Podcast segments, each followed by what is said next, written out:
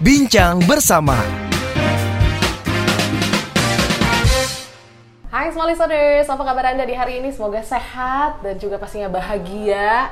Uh, Audrey balik lagi dalam podcast Bincang Bersama. Kali ini bersama dengan salah satu musisi yang kemarin sempat viral di TikTok ya. Ada Calvin Joshua, aka Keljo. Halo semua. Hai, gimana kabarnya Keljo? Baik, baik. Baik, Ya. oke. Kita akan ngobrol-ngobrol uh, sedikit nanti. Uh, Keljo ternyata baru merilis single terbaru ya. Betul. Jatuh dan menari. Tapi Menari. kita mungkin penasaran gitu. Hmm. Um, Keljo sendiri memulai karir itu kan dari uh, ajang pencarian bakat ya. Oke.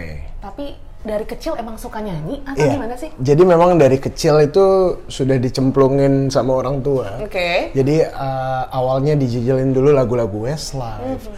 lagu-lagu almarhum uh, Glenn Fredly dan lagu-lagu yang uh, 2000-an lah waktu itu. Mhm. Sampai pada akhirnya uh, memberanikan diri untuk ikut-ikut lomba di di mall, Oke. ya kan festival-festival Festival mall musik, ya, gitu ya. kan. Nah, terus uh, dari yang nggak pernah juara Mhm. sampai akhirnya uh, pelan-pelan juara, terus habis itu sempat juga ikut akhirnya musikal Laskar Pelangi Mhm. gitu. Jadi uh, di musikal Laskar Pelangi aku dapat peran uh, utama sebagai Ikal.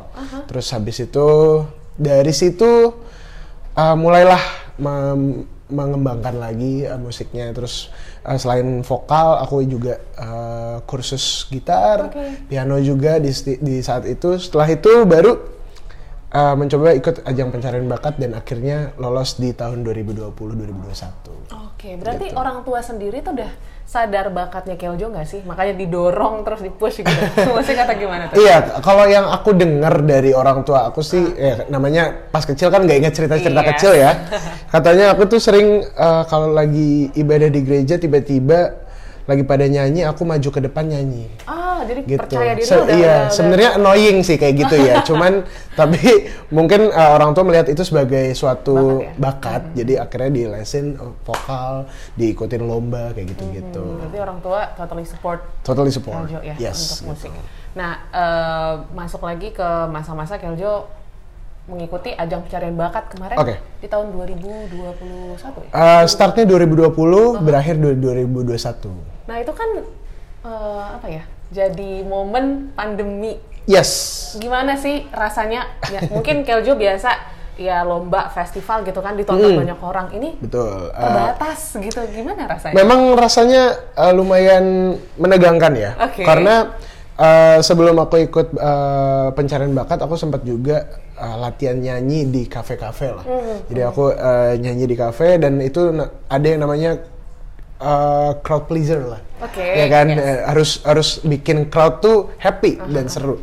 Sedangkan kemarin di pandemi itu nggak ada penonton sama sekali gitu. Jadi memang challenge-nya di situ seakan-akan kita setiap minggu tuh audisi ulang.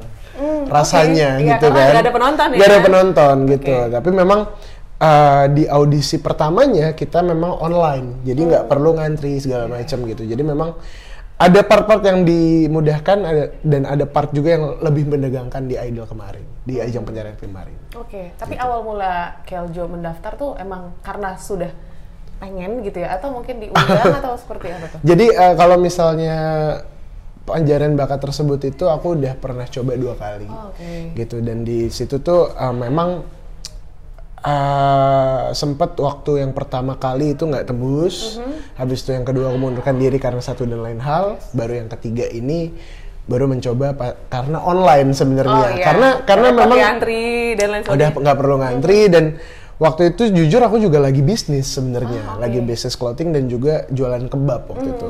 Jadi memang fokusnya lagi berbisnis tapi ada satu kesempatan yang kayaknya nih eh, nggak boleh dilewatin nih kayaknya akhirnya ya udah memberanikan diri untuk ikut Oke, Gitu. terlepas dari bisnis nanti kita bahas juga Ah, kayaknya seru deh. Kalau apa yang mungkin menjadi apa ya persiapan Keljo gitu ya setelah sempat gagal, Ah, terus juga mencoba ini ke kali ketiga gitu. Oke. Dan, dan apa yang mungkin dari sisi teknik kah atau Sep- dari sisi eh, seperti yang tadi aku sempat eh, singgung, aku sempat nyanyi di kafe juga. Jadi eh, setelah aku eh, gagal di yang pertama kali, Yes. akhirnya aku mencoba untuk belajar lagi dan latihan lagi di kafe sebenarnya. Oke. Gitu. Jadi di situ sebenarnya kalau mungkin banyak orang untuk itu um, menjadi mata pencarian ya, Iya, gitu. which is itu sebenarnya nggak salah. Cuman uh, kalau aku di situ untuk ngembangin lagi apa yang aku bisa dan uh, crowd pleaser itu yang tadi aku bilang itu kan se- sesuatu yang penting banget ya. Jadi uh, memang dari situlah aku sebenarnya uh, berlatih diri gitu, berlatih vokal. Iya, karena pressure-nya juga kalau nyanyi di apa ya di kafe gitu Di kan itu juga beda ya. beda beda gitu dan dan pun pun juga aku uh, mengenal banyak lagu-lagu baru di situ karena memang kan uh, tuntutannya harus hafal top 40 song kayak gitu-gitu kan jadi ya bekal yang banyak sih dari situ Mhm, Gitu. Bekal banyak dari ya nyanyi, ya, Nyanyi. reguleran di kafe. Reguleran di gitu. kafe. Terus eh, masa pandemi, Keljo juga sempat bisnis katanya ya, Betul, marketing dan betul. juga kebab itu memang awalnya passionate sama bisnis atau iseng-iseng aja atau gimana? oke jadi kalau bisnis itu sebenarnya uh, ngelihat ayah sih sebenarnya Hmm, oke. ayah kan memang juga berbisnis dan aku juga kuliahnya kebetulan bisnis juga Oh, oke, gitu kebetulan berarti Nah, ya. dan waktu itu lagi uh, lagi apa ya Eh, memang pandemi waktu itu kafe juga tutup. Yes. dan kita nggak ada nggak ada kegiatan apa pun akhirnya mencoba untuk mencari keuntungan di sektor yang berbeda gitu kan. Akhirnya aku karena memang suka fashion aku eh, langsung mencoba bisnis clothing dan juga karena waktu kuliah aku ada bisnis makanan yang waktu itu lumayan juga pendapatannya. Akhirnya ya udah untuk nambah-nambah pas pandemi ini eh, bisnisnya ada clothing dan juga kebab. Oke. gitu. Sekarang masih berjalan atau udah fokus? sekarang kalau clothing eh, masih berjalan dan eh, sebentar lagi akan rilis katalog baru dan katalognya adalah merchandise dari aku sendiri. Wah, oke. gitu dan dan itu nanti eh, akan rilis lah pokoknya di di platform-platform eh, jualan ya gitu. terus kalau yang kebab memang kalau F&B agak susah ya kontrolnya ya karena kan ada jangka waktunya jadi memang nggak dulu Enggak dulu ya. Mungkin mm, someday lah ya. Someday, someday, Aha, pasti. Karena Keljo juga pasti lagi fokus sama karir. Yang kita tahu juga eh, sekarang lagi apa ya? Mungkin masa-masanya Keljo untuk berkarya karena usia masih muda, Iya. terus juga pengalaman juga Betul. harus dikejar lebih banyak gitu.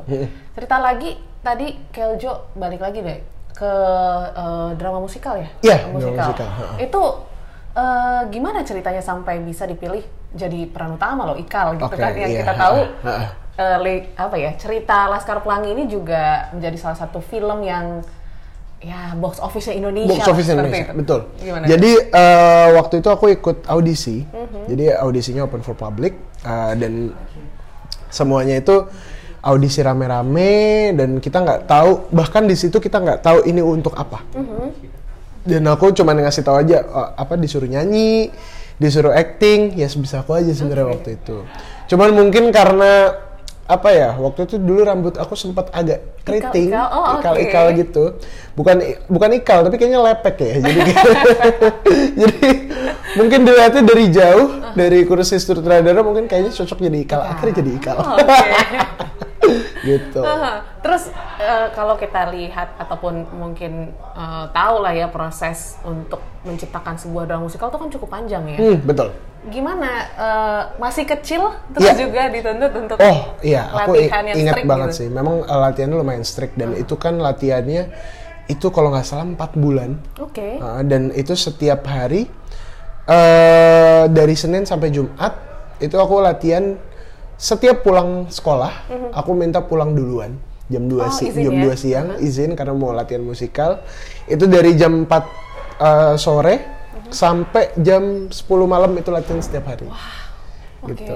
Dan ya tetap tapi tetap seru karena kan uh, banyak banget anak-anak seumuran aku juga waktu itu kan. Terus uh, banyak juga kakak-kakak yang jadi sebenarnya di situ tuh selain seru tapi nambah ilmu juga karena itu nyambung ke lagu jatuh dan menari Oke. karena jatuh dan menari kan video klipnya aku ada ya, dance aha. sambil nyanyi dan aku belajar awalnya dari musik Laskar Pelangi di situ Oke.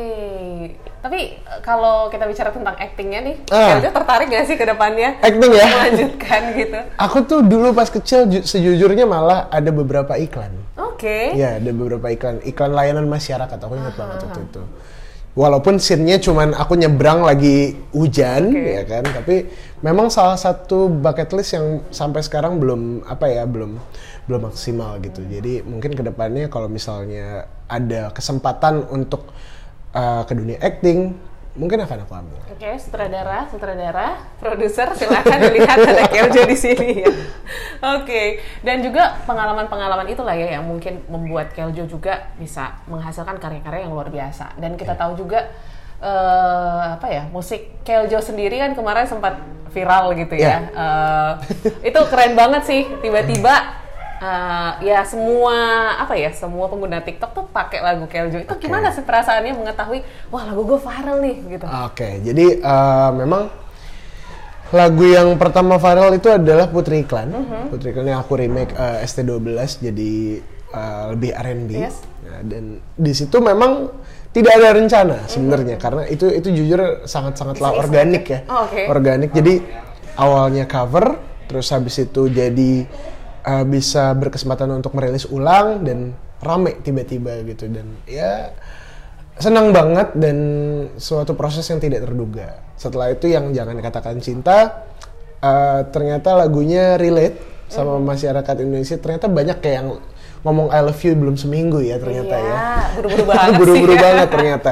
Dan eh, waktu itu juga ngegayat eh, icon Citaim Fashion Week. Yes, JJ ya. JJ dan Bonge ah, dan itu adalah pengalaman yang seru banget. Awalnya ma- malah kita nggak ada pikiran ke sana, tapi memang apa ya namanya ide-ide gitu kan ya. Eh, awalnya tuh sebenarnya pengen pengen memang syuting di Citaim Fashion Week sebelum itu jadi Citaim Fashion Week gitu. Jadi memang eh, aku kebetulan kuliah deket-deket sini juga gitu. Jadi udah tahu tempat itu dari lama dan tahu banyak tukang somai, banyak Yes. ada taman gitu gitu kan.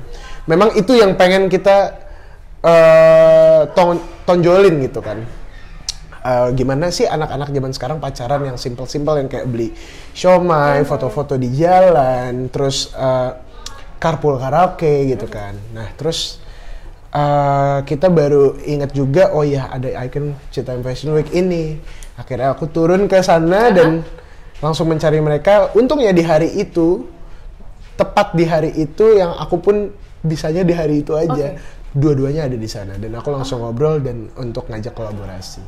Oke, Gitu. berarti eh, unik ya ceritanya ya. Lumayan Ternyata unik. sebelum itu, sebelum, Sebelum Citaim. Fashion Week sudah sudah tercipta tuh ide Yes. tersebut. Eh, bicara lagi nih tentang Putri Iklan, terus juga lanjut ke Jangan Katakan Cinta gitu Ya. ya. Itu kan pace-nya tuh langsung naik, naik, naik, naik banget. Hmm, Eh, dan juga mungkin fans-fansnya Keljo ya nungguin tuh eh, lagu-lagu itu.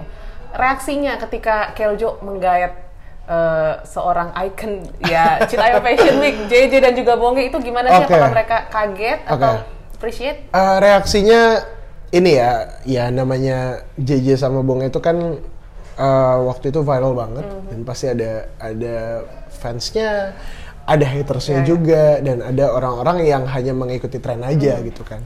Cuman eh, 80% mereka kaget sama karya ini karena mereka tidak tahu ternyata JJ sama Bongnya bisa melakukan seperti Ya, itu ya, gitu. Jadi mereka benar-benar oh ternyata yang bikin TikTok TikTok ini, yang anak-anak ini ternyata punya bakat juga dan cocok juga dan dan bahkan pun banyak yang tersentuh sama lagu sama video klip itu karena kan itu memang benar-benar yang seperti aku tadi bilang apa yang dilakukan kita semua di Yes. pas pacaran dan segala macam dan JJ sama Bongnya bisa merepresentasikan eh, kita semua yang yang pernah seperti itu. Jujur aku juga salah satu orang yang kaget gitu ya. Bilang JJ ternyata bisa acting Bisa acting. sebagus itu. Betul, gitu. betul. Dan- itu kalian kaget juga nggak sih melihat? Jujur kita kaget Ah, juga oke. karena dari uh, jangan katakan cinta itu yang nge-direct video klipnya pun aku juga Oh, oke. di situ. Dan aku memang punya ketakutan untuk waduh ini gimana caranya ya nanti kalau ngambek-ngambek dan pun kita pun juga udah nyiapin suatu cara nih kayaknya works biar uh, kalau misalnya ngambek kita bisa Handle. bisa handle gitu kan. Dan ternyata itu tidak dipakai. Oke. Dan mereka gampang banget untuk di direct dan mereka ibaratnya apa ya uh, suka sama hal baru Mhm. gitu. Jadi kita pun juga ngedirect seneng banget. Oke, Gitu. jadi salah satu karya yang berkesan juga ya Iya, untuk Keljo betul, ya. betul. Oke, dan juga eh, kalau bicara tadi eh, Keljo direct sendiri gitu. Hmm. Kalau untuk lagu-lagu sendiri gimana tuh? Keljo tulis sendiri kah? Oke, jadi eh, dari lima singleku itu ada 80% adalah uh, hasil dari tulisan aku juga. Tapi uh, nggak bisa dipungkiri juga aku baru satu tahun masuk ke industri musik Indonesia dan juga uh, nulis lagu. Jadi memang aku membutuhkan teman-teman yang lebih senior.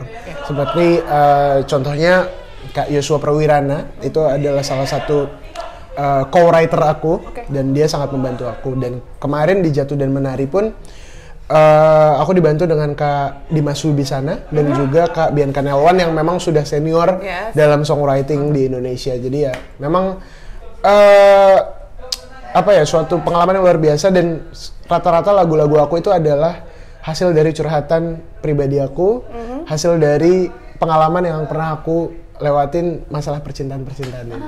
Gitu. Oke, berarti eh, dari kisah pribadi gitu ya dituangkan ke sebuah lagu.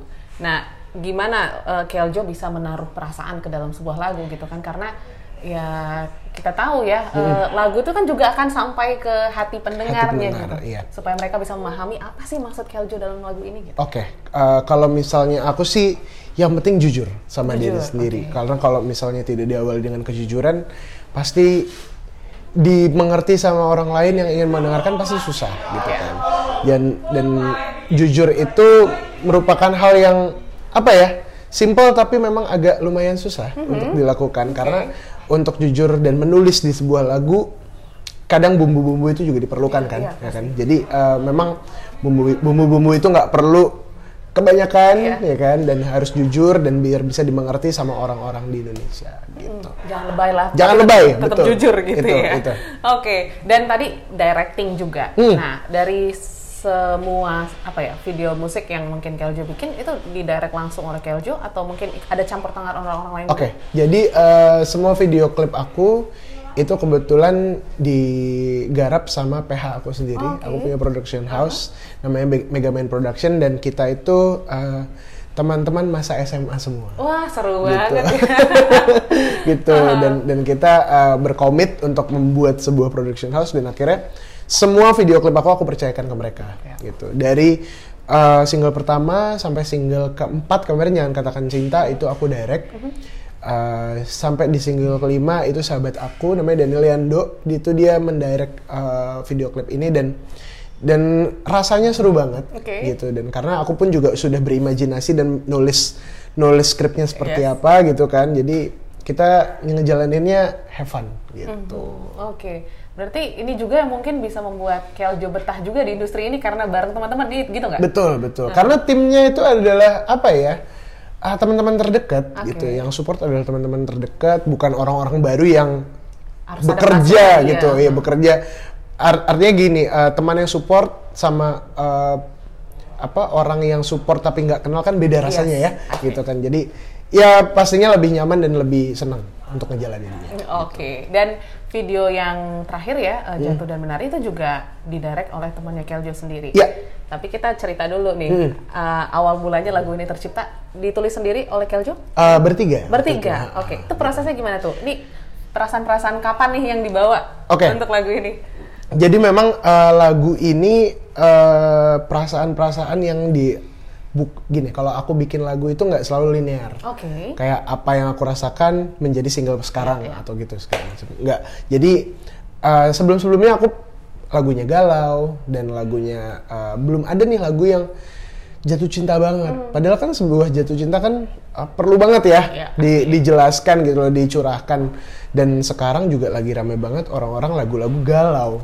Oke. Iya kan, iya kan, dan dan akhirnya aku ingin menjadi sebuah gebrakan sih, dan menjadi sebuah permen di dalam ke apa ya kepahitan kegalauan ini, Ja- pengen jadi sesuatu yang manis untuk teman-teman semua, dan akhirnya membuat lagu ini menceritakan uh, tentang gimana sih rasanya jatuh hati, gimana sih rasanya uh, leher tuh dingin-dingin gitu kan, ada Ser gitu ya. ser ya. Terus uh, gimana rasanya butterfly in my stomach yang dirasakan pas ngedeketin orang. Itu. Jadi ya itu uh, kalau aku sih merecall lagi masa-masa pas dulu PDKT gitu kan. Terus masa-masa pas uh, gimana sih rasanya pas awal banget jatuh cinta itu. Gitu. Oke, dan tadi juga sempat nonton video klipnya lucu banget, konsepnya di kosan gitu. Konsepnya di kosan, Itu, betul. eh, apa ya? salah satu ide out of the box, tapi uh, ide awalnya tuh berasal dari mana? Keljo boleh di share nggak sih? Iya, jadi uh, memang karena referensi yang aku waktu itu pernah musikal Laskar Pelangi dan juga aku uh, suka banget sama salah satu inspirasiku dalam bermusik itu Bruno Mars. Oke. Okay. Gitu. Jadi memang uh, pengen nih membuat sesuatu yang bisa joget uh-huh. dan bisa nyanyi juga gitu kan. Dan setelah itu akhirnya aku pengen uh, cerita yang relate juga sama orang-orang uh. gitu. Mungkin kan uh, banyak di sini mahasiswa ngekos. Ngekos ya. Dan uh-huh. bisa juga ngekos naksir sama temen kosnya. Iya, okay. kayak gitu-gitu uh-huh. gitu. Cuman kita ubah ceritanya menjadi uh, sukanya sama anaknya ibu, ibu kos, kos gitu. Okay. Jadi memang sesuatu yang kayaknya relate sama ringan gitu uh -huh. ya. Dan dan itu yang pengen aku kasih ke teman-teman semua dan aku nggak pengen sih sesuatu yang berat uh -huh. karena mungkin sekarang lagi masanya ya masanya lagi gitu ya. lagi lagi kayaknya kelam banget yeah. nih dengan dengan uh, apa ya uh, pengen ngasih sesuatu yang fresh aja. Gitu. Iya, dan benar-benar uh, satu karya yang fresh gitu juga yeah. dari Keljo gitu dan juga uh, kalau kita bandingkan dengan karya-karya yang lain mungkin tipe-tipe musiknya hampir sama gitu ya. Uh, yeah. Tapi kalau dari Keljo sendiri mungkin yang membuat lagu ini dan mm. menyanyikan lagu ini, mm. apa sih yang menjadi pembeda single yang baru ini Jatuh dan Menarik dibandingkan single-single yang lain? Oke, okay. single-single kalau dalam uh, produksi musik ya, musiknya ini banyak banget alat-alat uh, instrumen yang uh, sorry banyak banyak banyak banget alat-alat musik yang asli. Asli. Jadi okay. bukan kalau sekarang kan karena memang perkembangan teknologi yeah. itu bisa bisa diwakilkan dengan piano mm. dan suaranya bisa ganti. Nah kalau ini baru kali ini aku banyak banget instrumen-instrumen yang asli seperti brass sectionnya mm. itu aku asli, okay. terus stringnya juga asli, terus uh, pokoknya aku tujuannya di di lagu ini ingin ingin memberikan sesuatu yang nggak biasa mm-hmm. gitu jadi emang pengen sesuatu yang kalau misalnya pendengar dengar di rumah itu kerasa nih ya, bedanya, uh, bedanya uh-huh. gitu gitu sih lebih kalau ke musik ke situ kalau yang video klip tadi ya uh, pengen fresh aja sih kayak hmm. gitu boleh nggak sih nyanyi sedikit aja dari uh, mungkin ref boleh boleh boleh silakan, silakan. Mencoba untuk saling jatuhkan hati Tanpa rasa mesti berhati-hati Biarkan cinta jatuh dan menari Tak perlu kau cari-cari Oke. Okay. Maaf ya ini belum panas. Aduh. It's okay, udah bagus banget. Oke. Dan uh, kalau misalnya kamu lagi nyanyi kayak gini, hmm. jatuh dan menarik, siapa sih yang kamu ingat? Aduh, yang pasti uh, kalau inget-inget hmm. ya pastinya inget kan ngerasain jatuh cinta tuh uh, sering ya, yeah. gitu kan. Pasti setiap orang nggak mungkin lah cuma satu. Iya, pandangan gitu. pertama. Pandangan gitu pertama, kan? iya iya. Kalau aku sih lebih ke nginget-nginget hal-hal bodoh apa yang pernah aku lakukan untuk memperjuangkan seorang wanita. Oke. Okay. Iya, jadi kayak ih kok gitu sih gue dulu gitu jadi Apa sih? iya itu itu itu, itu yang gue bikin gue tuh biar bisa meresapi lagu ini uh-huh. gitu jadi uh-huh. memang agak unik sih memang lagu ini cuman semoga teman-teman semua suka gitu. yes kita harapkan juga semua listener suka gitu ya. Dan mungkin uh, balik lagi ke karir Keljo hmm. sedikit sebelum kita tutup ya. Uh, karir Keljo mungkin masih terbilang baru banget baru gitu. betul. Terus juga umur mungkin masih dua dua empat dua empat. dua empat benar anak-anak zaman sekarang tuh kan suka banget uh, apa ya merasakan quarter life crisis katanya Waduh, gitu ya. Iya ya berat nih pertanyaannya. Betul betul betul. Kalau Keljo sendiri pernah nggak sih mengalami apa ya? Ya apa quarter life crisis lah di dunia musik. Ini bener jalan yang aku pilih nggak okay. sih atau mempertanyakan lah? Ini menarik, gimana? menarik banget. Ini gimana? soalnya aku baru pertama pertama kali di sebuah uh, apa interview. Uh -huh. Pertanyaannya begini, wah ini seru banget. Okay, aku uh, apa namanya tadi uh, quarter, life quarter life crisis ngerasain juga uh -huh. terus aku juga pernah juga uh, existential crisis uh -huh. itu juga pernah jadi memang sebenarnya pemikiran-pemikiran yang belum saatnya kali ya yeah. karena karena memang sebenarnya ini uh, waktu-waktu di saat kita bisa produktif banget cuman kadang pikiran-pikiran yang seperti itu malah bikin kita jadi mikirnya lebih panjang lagi Banget. dan dan uh, perlu nggak perlu sih memang memang uh, perlunya kita emang harus tahu uh, buat apa sih kehidupan kita uh, berjalan ini sampai ujungnya itu seperti apa gitu. Cuman jangan sampai itu mempengaruhi pekerjaan kita, karya kita, terus uh, kinerja kita gitu kan. Dan apalagi pas masih muda, jangan sampai tuanya lebih cepat. Wah itu dia, udah mulai ada kerut-kerutan gitu. Oke berarti Gitu. uh, enjoy the process lah. Enjoy the ya. process, benar, Aha. benar, benar, benar. Dan juga uh, pasti ke depannya banyak harapan-harapan nih yang yang Hmm. mungkin Keljo udah udah set the plan gitu. Oke, Kalau untuk sekarang mungkin ingin fokus ke mana dulu nih? Kalau aku uh, pastinya pengen fokus ke musik dulu karena memang uh, dalam 2023 uh, sudah ada uh, master plan-nya yang akan dijalanin. Album kah?